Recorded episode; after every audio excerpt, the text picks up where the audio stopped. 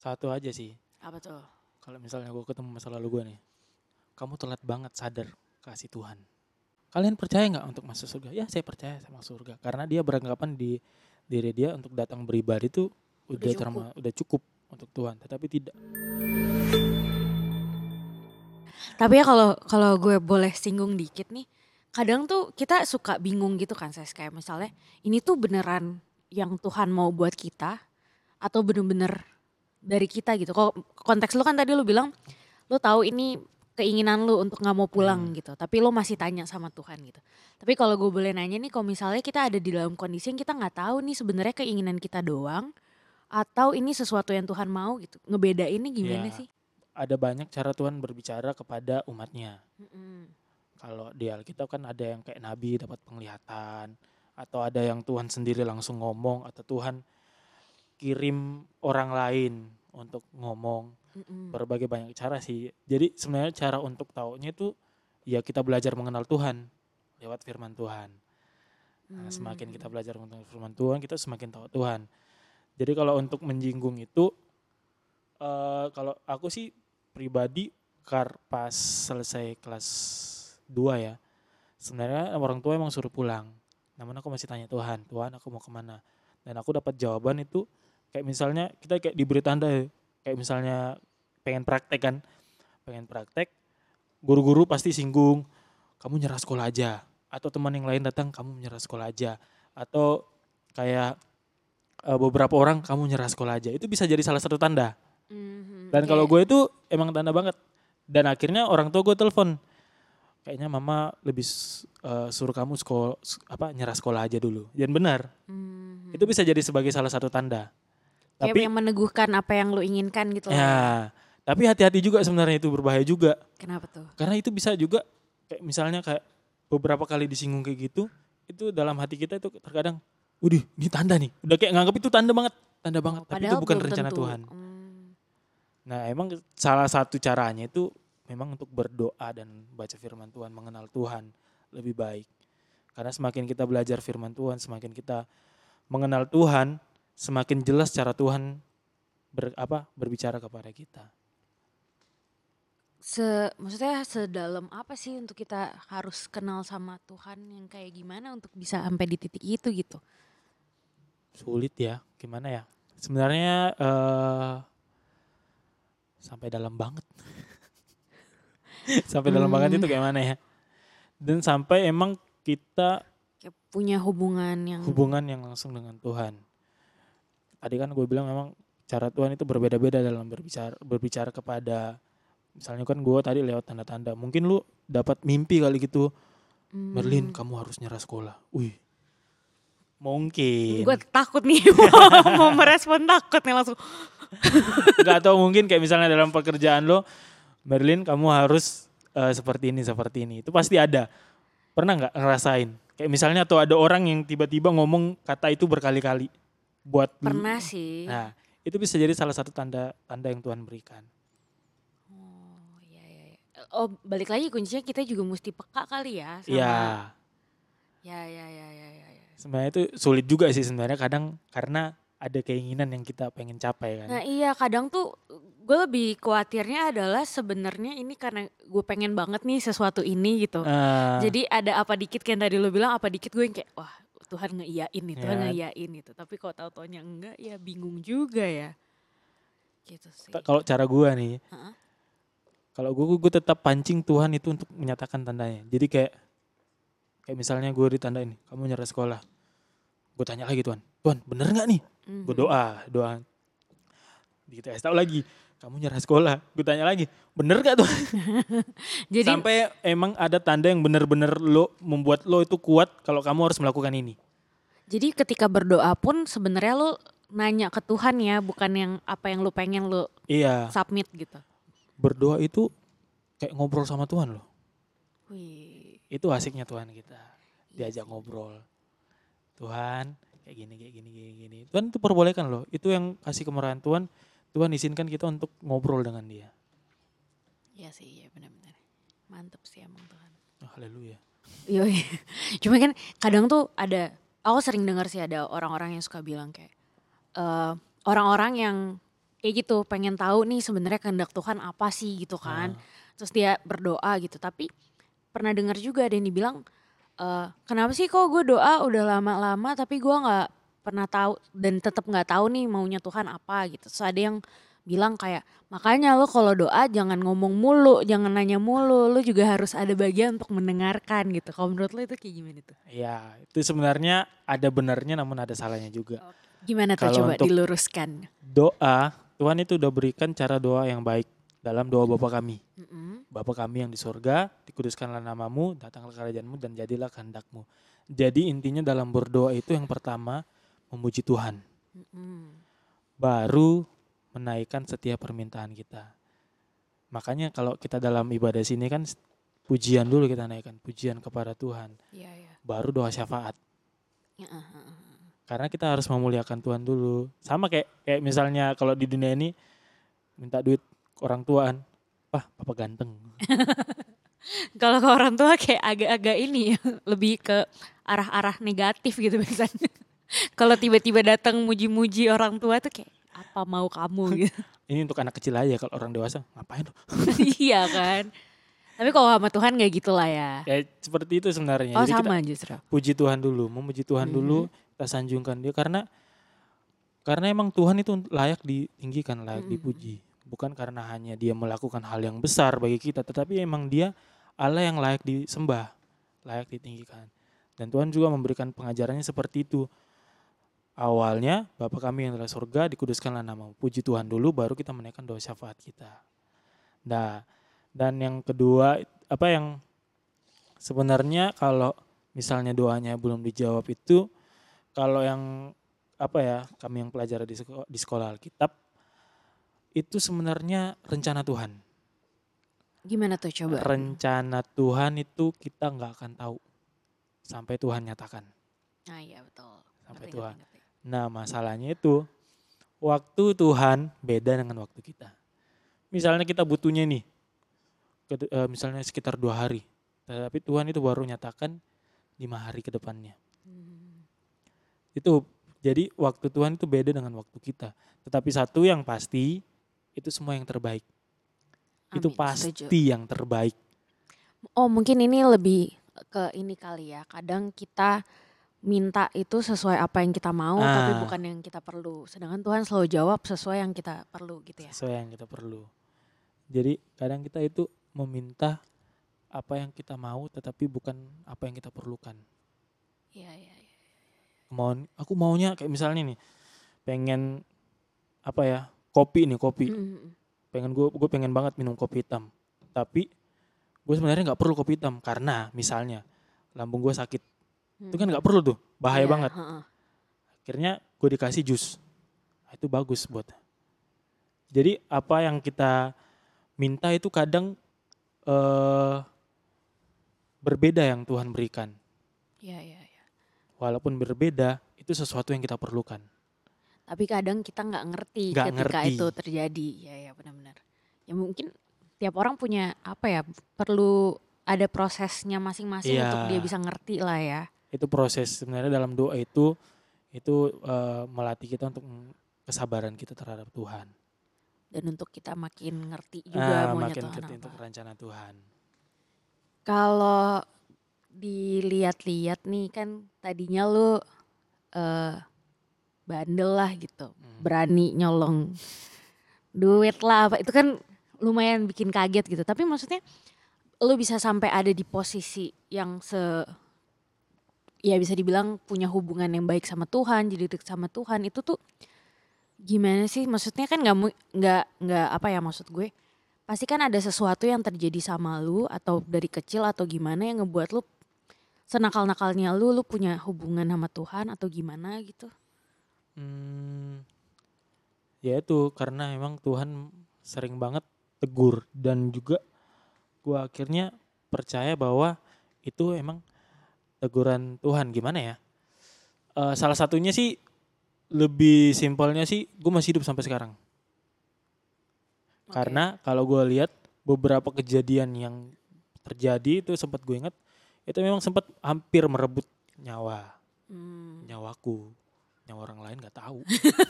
Ya itu urusan dia sama Tuhan lah ya. Ini urusan gue sama Tuhan nih. ya, beberapa kali tuh dan yang paling parah emang itu di bagian kaki, Oh jadi kayak selalu nyerang nyerang ke kaki gitu. kaki kiri kanan. Hmm, Tapi maksud gue gini, ketika lu akhirnya ngerasa ditegur sama Tuhan dan segala macam itu, untuk lu menyadari itu adalah teguran dari Tuhan kan pasti lu udah punya hubungan juga dong sama Tuhan. Nggak- Ya. Sebagai orang yang nggak kenal Tuhan kan tentunya nggak akan bisa peka kan. Hmm. Lu bisa ceritain nggak kenapa lu bisa ada di posisi yang kayak oh gue tahu nih emang ini bener-bener Tuhan gitu. Sebenarnya itu eh gue tahu Tuhan itu emang udah lama ya, karena ka- kan gue seorang apa anak sama Tuhan. Mhm. Jadi gue pasti belajar tuh firman Tuhan. Dan Hmm. jujur jujur aja nih, gue paling pinter nih di sekolah minggu di antara yang lain. kan anak pendeta. Iya. Dan nilai agama gue paling tinggi Oh. karena seorang anak pendeta. Karena kalau jelek mama gue yang dibawa. Jadi maksudnya even nakal pun lo tetap masih merhatiin lah ya. Iya. Oh, iya, iya, iya. Oh Jadi- makanya tadi anak nakal yang paling baik. Ya anak nakal yang paling baik. Gue mulai mengerti. Jadi wah, karena kan gue sempet sebenarnya gue tahu Tuhan itu maha kuasa, Tuhan itu penuh mujizat. Karena beberapa kali gue berdoa ada mujizat yang terjadi. Dulu pernah gue sempat sakit panas dan pada saat gue tidur itu tiba-tiba entah mengapa gue putar lagu rohani kan, gue lupa lagunya apa tuh lagu rohani dan itu membuat hatiku bergetar gitu kan. Akhirnya gue ambil kesempatan itu berdoa. Hmm. Tuhan ampuni ampuni berdoa memuji Tuhan sampai nangis nangis besoknya sembuh dan gue ngalamin mujizat itu gue ngalamin entah itu berapa kali banyak banyak kali sebenarnya dari dulu dari gue kecil itu eh, kaki gue itu sebenarnya sering terjadi kecelakaan ditabrak lah jatuh dari pohon Gue malah pengen ketawa. gue pertama kalau kan cowok itu kalau lari pertama kali merasa diri larinya kenceng itu pasti sombong cuy. Oh. karena dulu pernah karena gue ngerasa lari gue paling kencang dari yang lain ada motor lewat gue balap. Wah jadi gue gue gue ya ya. depan nih motornya udah klakson nih. Pas akhirnya pembelokan gue masih lari dia tancap gas ketabrak. Ketabrak jatuh. Ah, ya jadi juga waktu itu jalan cuma kayak ngesot doang gini Iya benar tapi gak kaki kaki kanan kayak kanan Ya, ya, ya. pernah juga gue jatuh dari pohon mangga Kenapa? Oh lu ini ya nyolongin buah tetangga ya? kok tahu Kayak ngapain lu naik pohon? gue pernah nyolong nyolong tahuan dong Eh lagian dari tadi yang dengerin juga udah tahu dulu dulu masa lalu lu tuh suka nyolong. nanti gak ada yang percaya lagi sama gue Nah kan sudah dipulihkan Tuhan. Haleluya. Ambil apa mangga mangga tetangga. Mangga tetangga lebih nikmat daripada mangga sendiri. Mangga tetangga. Dan karena gue liat teman gue tuh turun dari ranting. Itu padahal kakak dong udah gede kan? Ya ya ya. Ya, jadi bedanya udah ya segini lah kan. Gue masih SD dia udah SMA ya wajar lah selamat. Karena udah lebih tinggi Iya. badannya. gue coba. Gue coba turun jadi kayak misalnya rantingnya sini kan tanah di sini. Gue coba dari sini turun gue masih gantung masih ngerasa takut. Akhirnya gue lepas jatuh. Kalau biasanya cewek itu duduknya gimana ya? Kayak kakinya seling gini gak Hah, gimana gimana gimana sih bilang aduh harus gue Bersila. peragain ya. Ya enggak sih, enggak kelihatan di kamera. kalau duduk cewek gimana sih itu yang yang Oh, cowok nggak bisa lakuin? Duduk samping gitu. ya bukan bukan duduk samping. Ah, yang kayak mana sih? kakinya kelipet itu kelipet kanan kiri Oh, nah itu biasanya iya, kan iya, iya. cowok nggak bisa tuh Kebetulan gue cewek tapi gue nggak bisa, makanya gue bingung. biasanya Ya ya ya. ya. biasa kan kayak gitu gue jatuhnya kayak gitu tiba-tiba kayak gue kelipet gini Terus? dan gue nggak bisa berdiri sejam gue bisa di tetangga lewat halo tetangga lewat gue cuma main-main pasir gini ya pura-pura bego Oh, padahal gue ngerasa sakit Nggak minta pertolongan atau apa pun gitu. enggak laki-laki coy masa harus ditolong Kan masih SD. kan jiwa laki tuh kuat men Oh, bener-bener emang. tapi malu juga sih sebenarnya tetangga tuh lewat tuh ngapain enggak main pasir aja padahal gue tahan rasa sakit Ya ampun. Terus terus. akhirnya sejak saya itu gue bisa duduk kayak gitu dong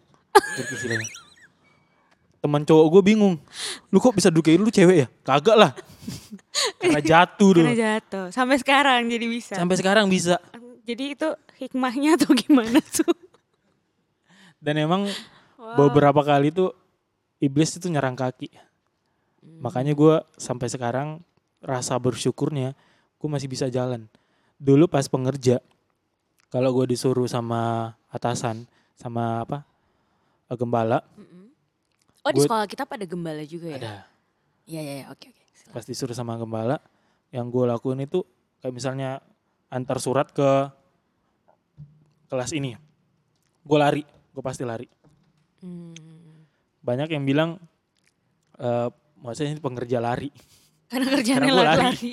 gue lari eh, karena gue pikiran itu cepat selesai dan satu yang gue pakai itu karena gue mengucap syukur Karena, Karena kaki gue itu itu kaki lo tetap masih baik. bisa gue pakai lari Wow, ya ya ya. benar. itu yang akhirnya gue ngerasain itu memang Tuhan itu baik banget dalam hidup gue Iya sih, setuju sih, setuju. walaupun emang gue kadang lari akhirnya jatuh juga Se- se- sampai segede di sekolah kita tuh masih jatuh-jatuh juga. masih gue pernah karena hujan kepleset jatuh tiba-tiba daging keluar dari sini Serem banget sih, ya ampun.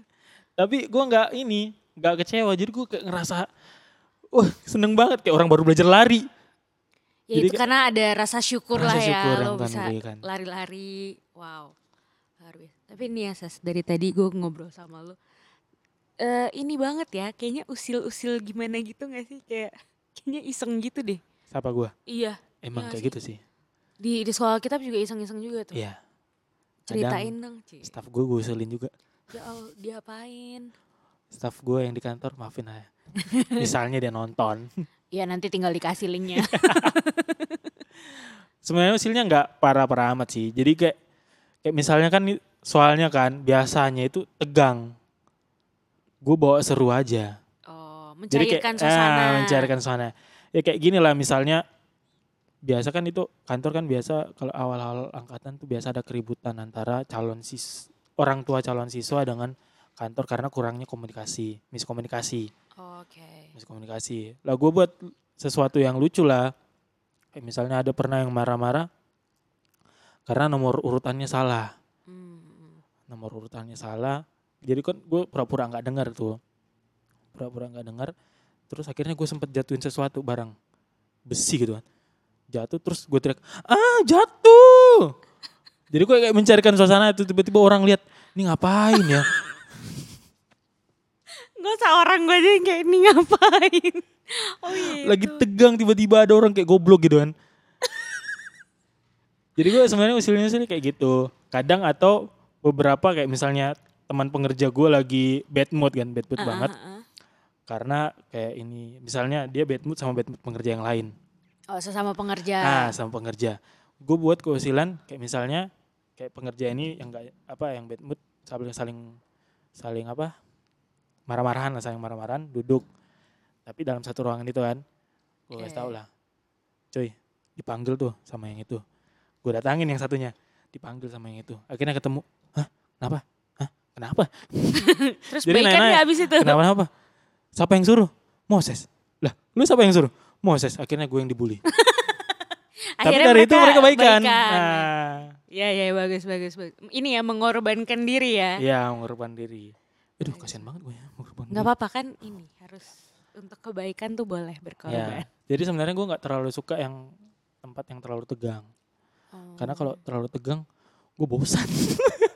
Oh iya ya kebayang sih orang-orang yang tipe-tipe kayak lo emang kayaknya nggak bisa di sesuatu situasi yang terlalu monoton gitu lah ya. Nah, Pasti gue cari keusilan. Mikir nih, usilan apa, pokoknya jatuhin sesuatu atau teriak tuh gue sampai buat kayak gitu. Ya. Dulu ya sebelum gue ngobrol sama lu nih gue kira lu yang diem-diem gitu Sas. Banyak sih yang bilang, dulu pas pengerja awal, awal, awal angkatan nih, banyak yang bilang, wah nih pengerja beribawa, beribawa. Mereka cerita dulu, dulu kakak itu aku anggapnya kayak pengerja apa ya, orang yang susah diketin, beribawa, ternyata kayak gini. Mereka menyesali. Kali. Aku mau bilang itu sanjungan bukan, ejekan juga bukan sebenarnya. Itu namanya lo dijauhkan dari pujian kan. Kan lo gak bisa dipuji. Jadi diturun-turunin. Karena emang aku mencoba untuk gaya yang terbaik. Kalau awal-awal apa awal angkatan kan kita coba PDKT kan deket deket baru gue ngusil Oh iya sih. ya ya ya. Contekan gue mana ya mohon maaf. nih. Tapi seru sih maksudnya eh selama ini ya kalau misalnya tarik balik dikit kayak soal sekolah kita yang tadi gue bilang gitu kalau Iya. misalnya ngobrol lagi ngumpul-ngumpul sama teman-teman gitu kayak kita tuh selalu takut kalau dicengin lah istilahnya buat berangkat buat Nah. sekolah kita dan segala macam karena di kepala gue tuh kayak itu sekolah yang sangat wow gitu. Iya kayak berat banget. Ya, maksudnya emang tanggung jawabnya besar ya, tanggung jawabnya ke Tuhan gitu. Cuma kan ya kirain semengerikan itu gitu. Tapi ternyata dari cerita-cerita lu seru-seru juga ya. seru-seru aja sebenarnya banyak sih yang memang karena beranggapan seperti itu ketika masuk sekolah Alkitab jadinya kayak tegang ngerasa takut aduh ini gimana gimana Ada ini lagi gak sih cerita-cerita seru? Siapa tahu nih, siapa tahu ada teman-teman yang sebenarnya pengen sekolah Alkitab tapi takut, takut kayak misalnya terlalu serius, terlalu apa gitu. Ada yang lucu-lucu di gue ceritain tentang sekolah Alkitab nih Mhm, Dikit aja. Siapa tahu ada yang jadi abis ini tergerak gitu. Saya sekolah Alkitab itu ya gue bilang tempat paling baik untuk eh, membentuk karakter. Oh oke. Ya kalau misalnya sekolah teologi kan eh ya kita kan lebih ke materian. Kalau sekolah Alkitab itu nggak cuma materi tetapi pembentukan karakter. Hmm. Tadi gue bilang kan dibatasin semua satu kamar asra satu asrama beberapa orang yang berbeda. Itu bayangin aja lu Batak ketemu Makassar teriak-teriakan cuy. Iya, iya, iya, ngerti, ngerti. Eh kayak mana kau? Terus Makassar, kayak gini lah. Dan sebenarnya itu lucunya salah satu sekolah kitab gue tuh, aduh gue mau sebut daerahnya janganlah. ya udah. Kayak misalnya daerahnya ini, tetapi bahasanya bukan daerah situ. Hah, gimana tuh maksudnya? Sebut daerahnya boleh ya? Boleh, sebut daerahnya boleh. Daerahnya Jawa, Ah, oke. tetapi di situ kebanyakan bahasa Manado. Lu bayangin, lu bayangin gue pernah nyuci nih. Kiri kanan gue orang nih, sehari ngobrol. Eh, ngana leh, Eh, daerah mana Kang? Oh, kita dari daerah Semarang. Oh, kita leh Jawa Timur. Manadonya siapa? tapi semua logatnya udah Soalnya logat Manado. ngerti ngerti ngerti karena terlalu banyak yang pakai logat itu kali ya. Aku Jadi kurang yang tahu. Emang tapi dari itu ternyata udah dari angkatan ke angkatan. Oh, seru juga ya, lucu maksudnya lucu. Jadi kita itu nggak bisa bedain yang mana bukan Manado, yang mana Manado. Saking udah ini banget lah ya bahasa-bahasa. Udah bahasa banget. Jadi jadi akhirnya aku sempat coba kan. Coba, eh ngana orang mana? Gue ditegur dong. Kau orang Makassar ya sok-sok Manado. oh, ada yang Salahku protes. apa gitu kan. Yang lain coba, gue masa nggak boleh coba ya disalahin. Dan gue masalahnya ngomong sama orang Manadonya bener. Oh, ya ya. ya. Tapi akhirnya ketika gue bilang kita le poli, wih biasa kan poli terkenalnya kayak Manado kan. Oh, gue sering ditanyain tuh sama orang-orang orang-orang yang dari Manado kan. Biasa tuh orang Manado tuh pasti nanyanya marga. Kamu marganya apa? Ah. Bilang lah poli. Oh poli, marga terkenal tuh. Gue nganggep biasa aja sih. Tapi ya berarti lo diakui lah. Ya diakui. Sebenarnya gue nganggep poli, it- nah marga poli itu gede banget karena gue tahu pemain bulu tangkis tuh Grecia Poli I. Kenal nggak Grecia Poli I? Tahu sih, tapi gue nggak tahu kalau dia orang Nah, Manado. Dia pemain, eh, aku juga nggak tahu dia orang Manado sebenarnya. Maksudnya dia, aku nggak tahu sampai sekarang di Manado atau bukan. Oh, Maksudnya oke. marganya sama Poli I. Oh jadi berasanya Berasa, dulu sebenarnya gue nggak suka marga Poli I. karena Karena emang, karena ini salah-salah nama terus. Poli I, eh bukan. Poli I kadang tuh double-nya sampai tiga. Poli I.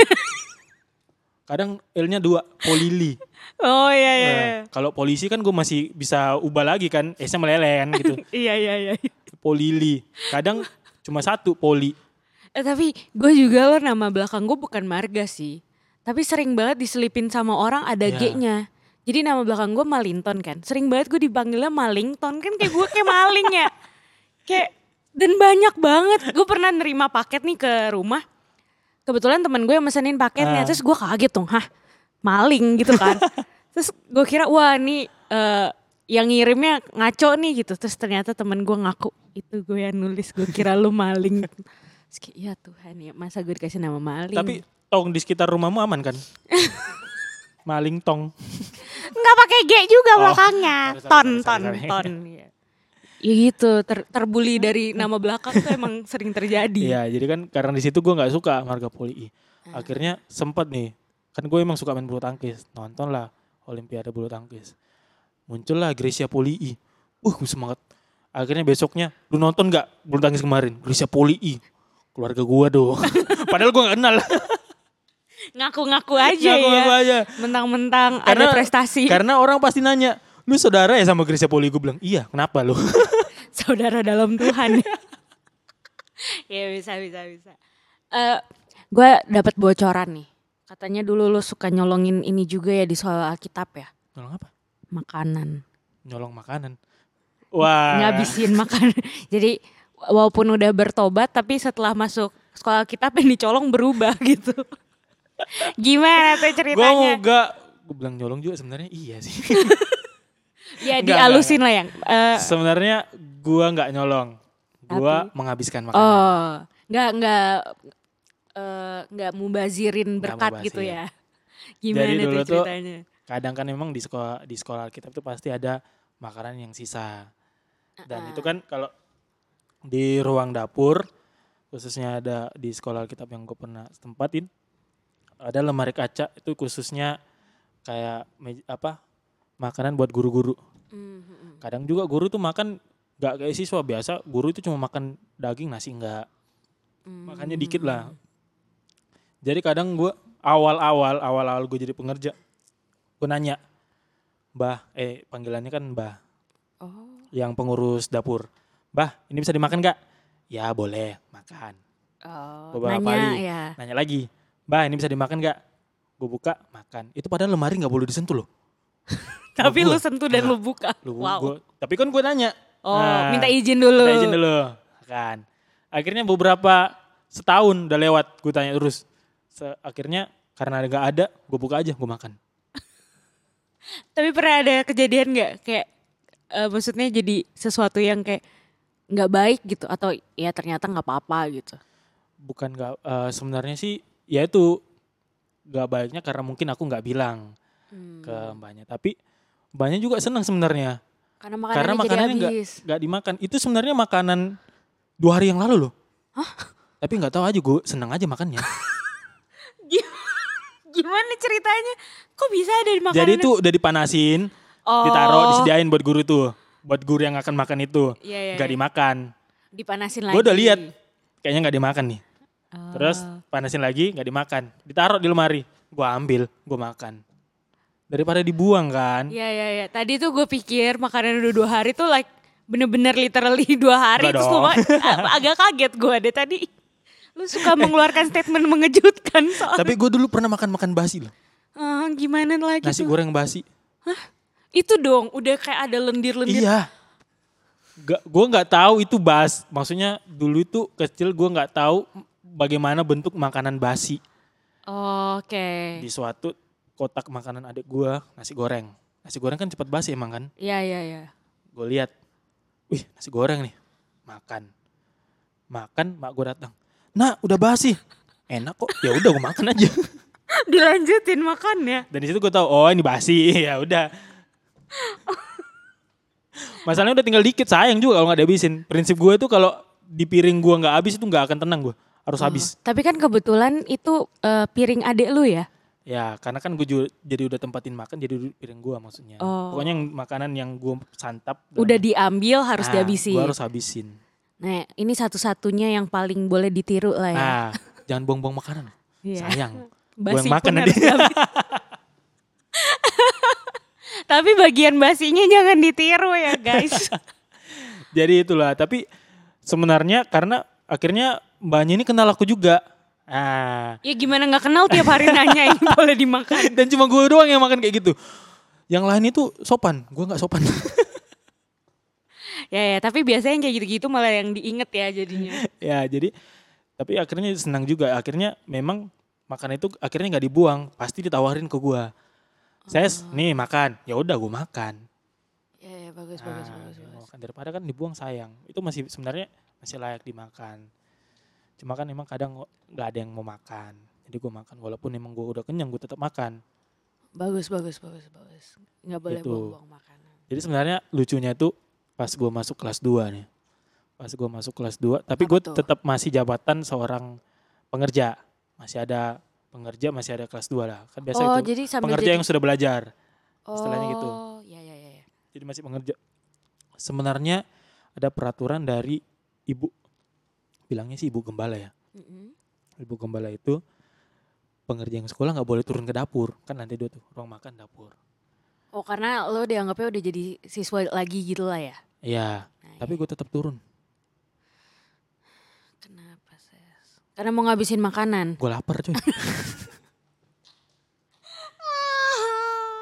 bener, bener. tapi gue masih sopan. Gimana tuh? Gue turun ketemu ibu itu. Bu, selamat pagi. Oke, gue sambil makan. Gak ditegur. Ya gue fan-fan aja kan gak ditegur. Kecuali gue ditegur baru gue gak akan naik lagi. Gue turun lagi. Ibu itu sadar nggak lu udah jadi siswa? Sadar.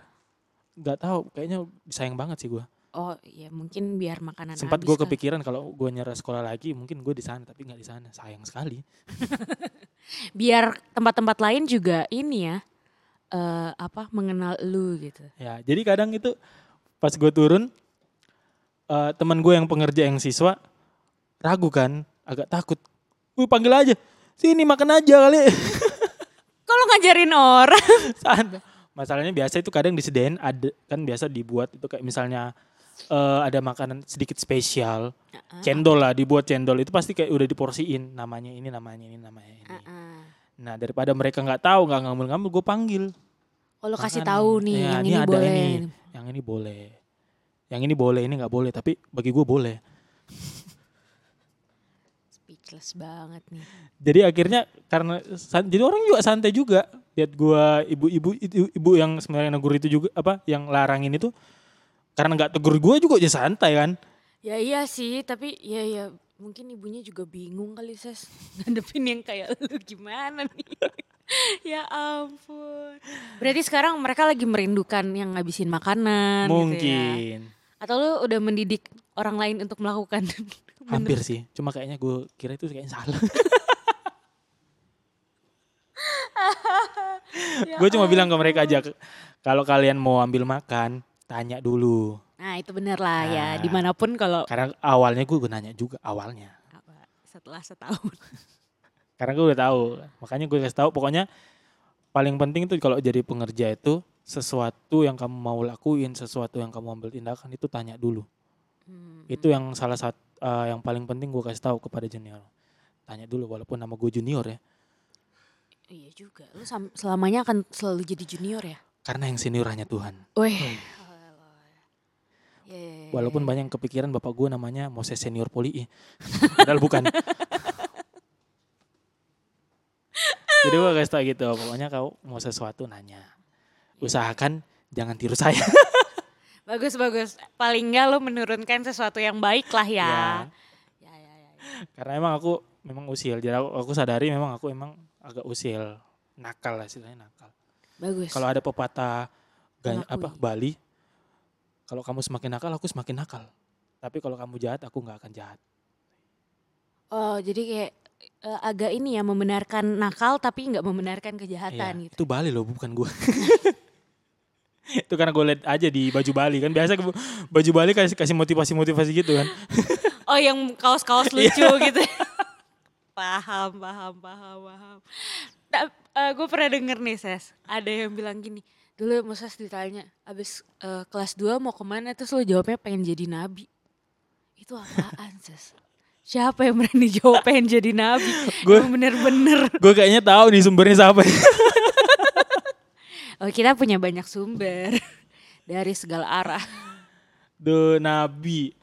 Kan kalau di gereja kan diterangkan ada lima jawatan kan.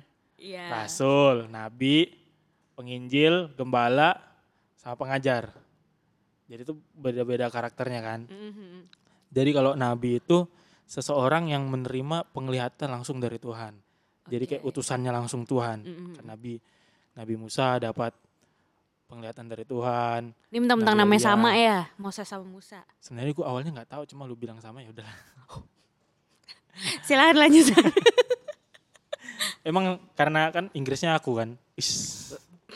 Tapi bahasa Inggris gue rendah loh serius. Gak apa-apa. Karena sering bolos aja. Kan udah ada ini Alkitab terjemahan bahasa Indonesia. Jadi gak usah jago bahasa Inggris gak apa-apa. Karena aku masih cinta Indonesia. Wih. Wih. Karena aku tahu gue gak akan pernah keluar negeri. Sebuah statement. Jadi gue lanjut, belajar bahasa Indonesia aja. lanjut lanjut dari soal mau Nah. jadi nabi. Jadi gue sempat kepikiran, Nabi ini kayaknya keren ya. Oh. Dapat perintah langsung dari Tuhan. Itu pas membakar-bakarnya kenal sama Tuhan. Itu kan kalau Nabi kan memang langsung dapat utusan dari Tuhan, kamu harus ke sini, kamu harus ke sini. Hmm. Jadi sebenarnya gue itu kalau tidur malam ya, itu mimpi jarang banget. Tahu-tahu bangun udah pagi aja. Itu teman, ih, udah pagi lagi nih. Enak ya jadi orang yang jarang mimpi. Sulit coy, nggak bisa menikmati tidur. Eh tapi katanya ini nggak ada urusannya sih. Tapi katanya justru ketika lo nggak mimpi itu tidur lo lebih berkualitas. oh gitu ya. Iya. Nggak tahu sih. Cuma emang lo pengen mimpi aja berarti ya. Jadi dan kadang kalau gue mimpi nih, itu aneh. Apa tuh? Kadang ada bumi hancur. Ya makanya Tuhan jarang-jarang kasih lo Ah, mimpi. gua- Sas. Wih, ini kayak jadi kan gue lihat lihat cerita-cerita Alkitab kayak penglihatan penglihatan Yohanes matra yang terbuka. Ah baik. Bilang, bilang, wih bisa jadi nabi nih aku. Oh jadi berawal dari, itu. situ. Tapi itu tergantung Tuhan. Kalau emang gue disuruh jadi nabi ya udah. Nggak apa-apa asal jangan jadi nabi palsu ya. Iya jangan jangan. Dijauhkan. Nabi untuk Tuhan. Ya. Kan kalau mimpi biasa kan orang kalau bangun mimpi tadi malam gue mimpi dikejar setan biasa. Kalau biasa dikejar siapa? Tadi malam gue mimpi dikejar diri sendiri. Pernah lu gue mimpi kayak gitu. Oh, gila keren banget. Jadi gue kayak ngaca. Ini siapa nih? Ya, ya, ya, gila, gila. Jadi karena gue de- kan karena gue dengar cerita mimpi orang itu kayak berbeda banget dengan mimpi gue. Gue bilang kayaknya gue nabi. Oh, baik, baik, baik, baik, baik. Tapi jangan sampai ditiru ya. itu semua perintah Tuhan loh. Ya balik lagi ditanya ya Tuhan maunya menghendaki Maunya apa? apa? buat lo juga. Kalau misalnya lu eh, kan lu melalui proses yang lumayan seru nih. Dari nakal-nakal, dari Ah. anak warnet lah, ditegur Tuhan berkali-kali sampai akhirnya eh lu sekolah kitab, sekarang melayani full timer gitu lah ya, bener-bener hidup lu buat Tuhan gitu. Kalau ada sesuatu yang lu bisa bilang ke Moses di masa dulu nih, mungkin waktu SMA, SMP gitu, ada gak sih yang pesan yang lu pengen sampaikan ke diri lu sendiri gitu? Satu aja sih. Apa tuh? Kalau misalnya gue ketemu masa lalu gue nih. Kamu telat banget sadar kasih Tuhan. Telat banget. Gimana coba dijabarkan dikit gitu. Apa yang lo pengen bener-bener? Jadi ketika sebenarnya itu lu pernah rasain nggak bagaimana besar cinta kasih Tuhan? Pernah kan? Nah, Itu gimana rasanya? Jiwa lu tenang kan? iya. Hati lu tenang kan? Damai banget kan?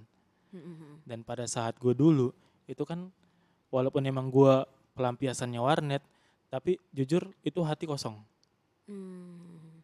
karena gue sering bolos dibentak guru.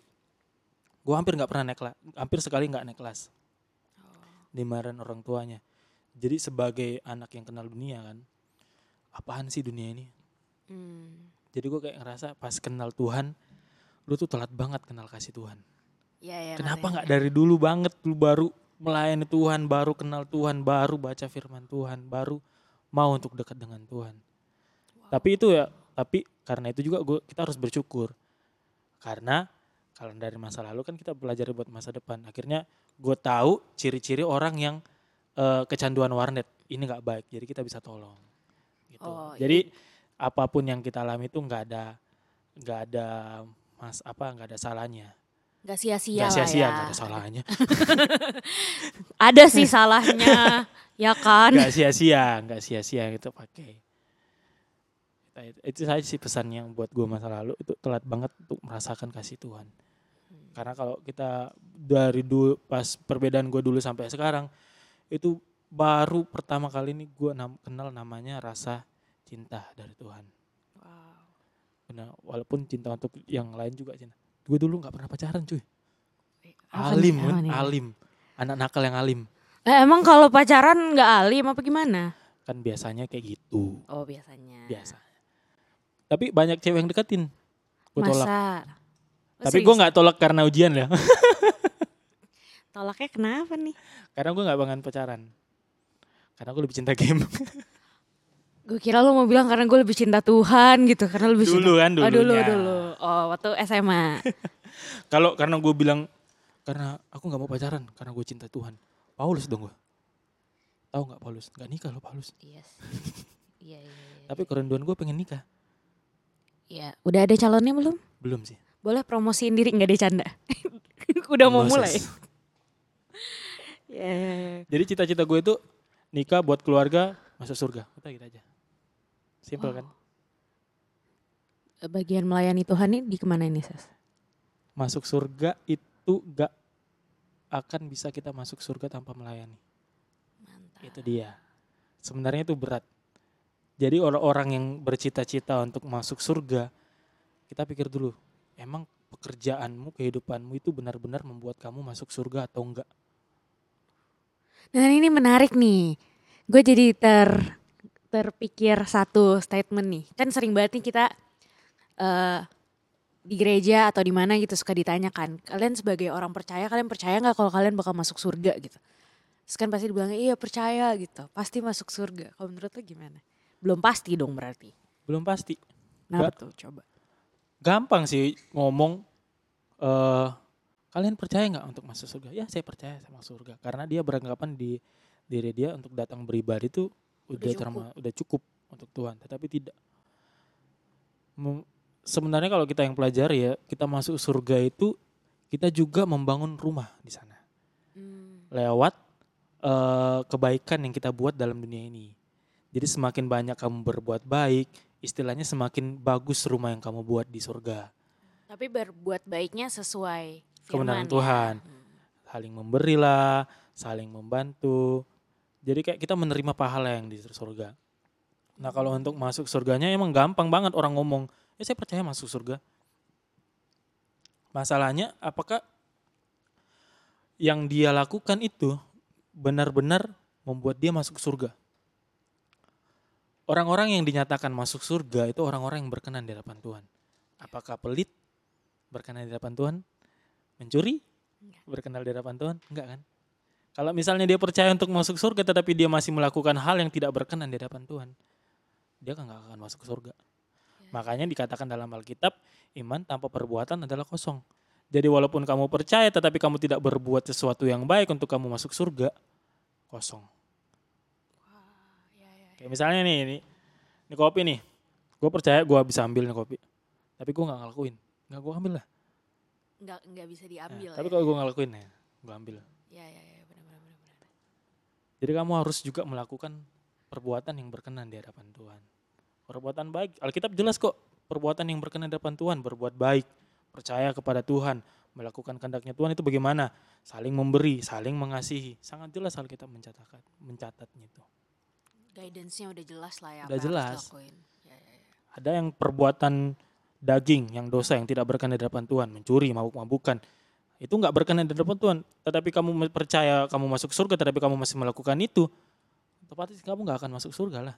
Hmm. walaupun nanti kita dihadapkan sebuah pengadilan ya ketika kita mati kita akan dihadapkan sebuah pengadilan dan yakin percaya Tuhan tidak akan mengizinkan kamu untuk masuk surga itu kayak udah nyia-nyiain ini ya dosa udah diampunin tapi nah menyia-nyiakan apa keselamatan gitu lah ya. Tuhan udah berikan kesempatan jalur untuk ke surga tetapi kita tidak ambil jalur itu Ya ya, ya benar-benar ngerti ngerti ngerti paham. Iya, Mantap. mantap Masa sudah berubah guys. bertobat Bertobatlah kerajaan Allah sudah dekat. Itu kan biasa orang bercanda-bercanda suka bercanda gitu tapi nggak ngerti konteks benernya apa gitu nah kan. bertobatlah kerajaan Allah sudah dekat itu kan yang perkataan Yohanes kan itu sebenarnya lucu juga sih kisah itu kan biasa apalagi di lelucon para hamba Tuhan Ya. kadang itu kayak misalnya kan udah ngelak apa ya, kayak ngecor makanya kamu tuh bertobat kerajaan Allah sudah dekat kayak gitu kan sebenarnya hati-hati lo ngomong seperti itu Kenapa tuh? Nah ini sering banget nih buat bercandaan orang-orang nih. Kenapa harus hati-hati? Karena bertobat pengertian bertobat itu tuh melepaskan dosa. Hmm. dan kerajaan sudah dekat Tuhan itu udah mau datang. Kalau kamu masih kayak misalnya ya kalau memang orang itu belum bertobat kita bawa itu untuk dia tetap bertobat ya bagus lah. Tapi kalau itu hanya untuk perkataan candaan ya saya bilang boleh katakan tetap hati-hati lah. Karena ketika Yohanes mengatakan seperti itu Yohanes Pembaptis itu keadaan orang-orang yang tidak mengenal Tuhan itu sebabnya dia mengatakan bertobatlah kerajaan Allah sudah dekat Mhm. dan ketika itu banyak orang yang bertobat mendengar Yohanes dan di- dirinya dibaptis. Itu sebenarnya enggak itu firman Tuhan loh. Firman Tuhan nggak bisa dikatakan dengan sembarangan. Harusnya nggak boleh jadi bercandaan lah ya. Nggak boleh. Ya usahakan jangan lah, jangan. Gak boleh guys. Jangan dibawa terlalu bercanda kan biasa dibawa. Jadi kayak misalnya apalagi kalau candain kayak gini. Misalnya dia udah bilang bertobatlah kerajaan Allah. Oh nggak apa-apa sih. Yang penting kan saya udah dibaptis, saya udah percaya kepada Tuhan. Itu hati-hati loh. Ya, ya. Karena eh selama kita tidak melakukan kehendak Tuhan, apa yang menjadi keinginan Tuhan, kita itu nggak akan layak di hadapan Tuhan. Walaupun kamu dibaptis, belum tentu kamu masuk surga. Ya karena balik lagi ke kehidupan kita seperti apa Ya. ya berkenan atau enggak. eh salah satu penjahat yang mati bareng Tuhan Yesus di atas kayu salib, ada tuh ceritanya. Dia nggak dibaptis, tapi dia bersama dengan Tuhan di Firdaus. Dia nggak dibaptis, loh, tapi dia percaya Tuhan. Ya, ya, yang itu ya yang minta Tuhan untuk Ah. ingat dia itu ya. Ingatlah aku. Dan ada yang dibaptis, tetapi kehidupannya tidak sesuai kehendak Tuhan. Banyak loh di gereja. Pernah saya lihat baru dibaptis nih, baru dibaptis nih. Bajunya masih basah. Keluar gereja ngerokok, Bajunya masih basah. bicara kotor, Ah, nyuri. Bajunya masih basah. ya, ya, ya. Saya yakin dan percaya itu merendahkan Tuhan tuh. Hmm. Kamu udah baptis itu konsep eh, kematian dan kebangkitan Tuhan Yesus. Jadi kamu dibaptis celup, kamu mati bersama apa mati dan kamu bangkit Bangkit. Dengan keadaan yang baru lahir baru bersama dengan Tuhan. Meninggalkan dosa yang lama, meninggalkan segala kejahatan yang kamu perbuat. Itu baptis. Tapi kalau kamu masih mengulang, itu saja kamu membangkitkan dosamu. Kayak mending gak usah dibaptis kalian Nah. ya. Kalau ada orang bilang sih kalau memang kamu pengen jahat, nakal, jahat dulu sebelum kamu kenal Tuhan. Karena kalau kamu jahat, kamu kenal Tuhan, terus kamu jahat lagi, itu udah merendahkan Tuhan. Karena kamu udah seperti menaruh harapanmu kepada Tuhan, Tuhan aku percaya, tetapi kamu mengkhianati dia dengan berbuat dosa. Ya, ya, ya. Jadi sebenarnya Tuhan itu membuat dalam di atas kayu salib itu membuat kita layak di hadapannya. Tapi masalahnya apa kita memang layak di hadapan Tuhan? Itu dia masalahnya sebenarnya. Hmm. Tuhan itu udah membuat kita layak. Yesus mati di kayu salib untuk semua orang, Ya, semua orang, semua orang, bukan bukan untuk orang kaya, bukan untuk orang Farisi atau orang Yahudi, enggak, semua orang. Tetapi apakah kita yang memang yang layak di hadapan Tuhan? Kalau kita enggak layak di hadapan Tuhan, benda yang enggak layak itu yang enggak layak kita pakai, buang. ya, ya, ya. Wow. Gitu. Jadi kita harus memang membuat diri kita itu sesuai dengan kehendak Tuhan, layak di hadapan. Itu Mantap. udah kayak rohani sekali kita ya. iya, kebetulan kan Bapak emang hambanya ya gitu. Wah, thank you. Apalagi thank nih? you. Ini jam berapa nih? Udah ganti hari kayaknya. Tapi nggak, thank you, thank you banget. Maksudnya eh, dari ngobrol seru-seru ada dapat banyak masukan Iya. juga. Pasti eh, harapannya teman-teman yang dengerin juga terberkati. Ya dengan- terberkati ya puji Tuhan. Terima kasih. Belum, Oh, belum, belum. Ses, belum. Oh belum, sorry, sorry, sorry, sorry, sorry, sorry, sorry. Ya maksudnya kalau gue boleh simpulin dikit nih kayak dari tadi eh, perjalanan lo lah ya, maksudnya dari dari kecil, yang kata lo kan kecil dulu kan dulu kan. Iya kecil dulu. Maksudnya ya kita bisa lihat kalau namanya udah dipanggil Tuhan, lo mau lari ke mana pun Tuhan pasti Iya. tarik dan itu sebenarnya bukan karena Tuhan memaksakan kehendaknya, tapi justru Hmm. itu kemurahan Tuhan buat kita ya. Untuk menyelamatkan kita. Wah, luar biasa sih. Dan eh, kita bisa lihat maksudnya senakal-nakalnya kita, sejelek-jeleknya kita dulu juga. Yang namanya Tuhan sayang, Tuhan selalu tarik kita untuk Selalu. jadi pribadi yang lebih baik lagi. Mantap sih, Ses. Itu cinta kasih dan kemurahan Tuhan kepada manusia. Yang paling baik itu Tuhan tidak akan pernah mau meninggalkan anaknya, ciptaannya. Ada yang diciptakan untuk kemuliaan Tuhan tapi dia berbuat dosa, itu diusir dari Taman Eden itu bukan karena Tuhan jahat. Ka- Karena dia berdosa, dia makan buah kehidupan, dia akan hidup kekal dalam dosa. Hmm. Karena, tapi karena dia diusir, dia masih bisa diselamatkan. Ya, ya. Dia masih bisa dia selamatkan. Tuhan masih bisa mati di atas kayu salib. Gitu. Jadi ketika Tuhan apa ya membentuk kita dari lahir keluar apa dari kandungan ibu, Tuhan itu sangat menyayangi. Jadi walaupun kita yang berbuat dosa, kita yang jauh daripada Tuhan, Tuhan masih mencoba narik kembali kembali. Karena Tuhan tahu hanya bersama Tuhanlah ada kehidupan, ada keselamatan, tidak ada yang lain. Mantap sekali. Terima kasih Moses. Sama-sama. Banyak yang bisa direnungkan dan diingat pelajarannya dan dijauhkan dari hal-hal yang tidak Amin. tidak baik dan tidak patut ditiru ya Sas. Tapi sekali lagi thank you banget buat uh, sharing-sharingnya, ngobrol-ngobrolnya hari Sama-sama. ini. Semoga nanti kapan-kapan kita bisa ngobrol-ngobrol lagi sama teman-teman pemuda nanti kalau misalnya udah bisa ibadah bareng lagi ya di gereja. Itu harapan saya. Iya itu juga harapan kita semua lah ya. Amin.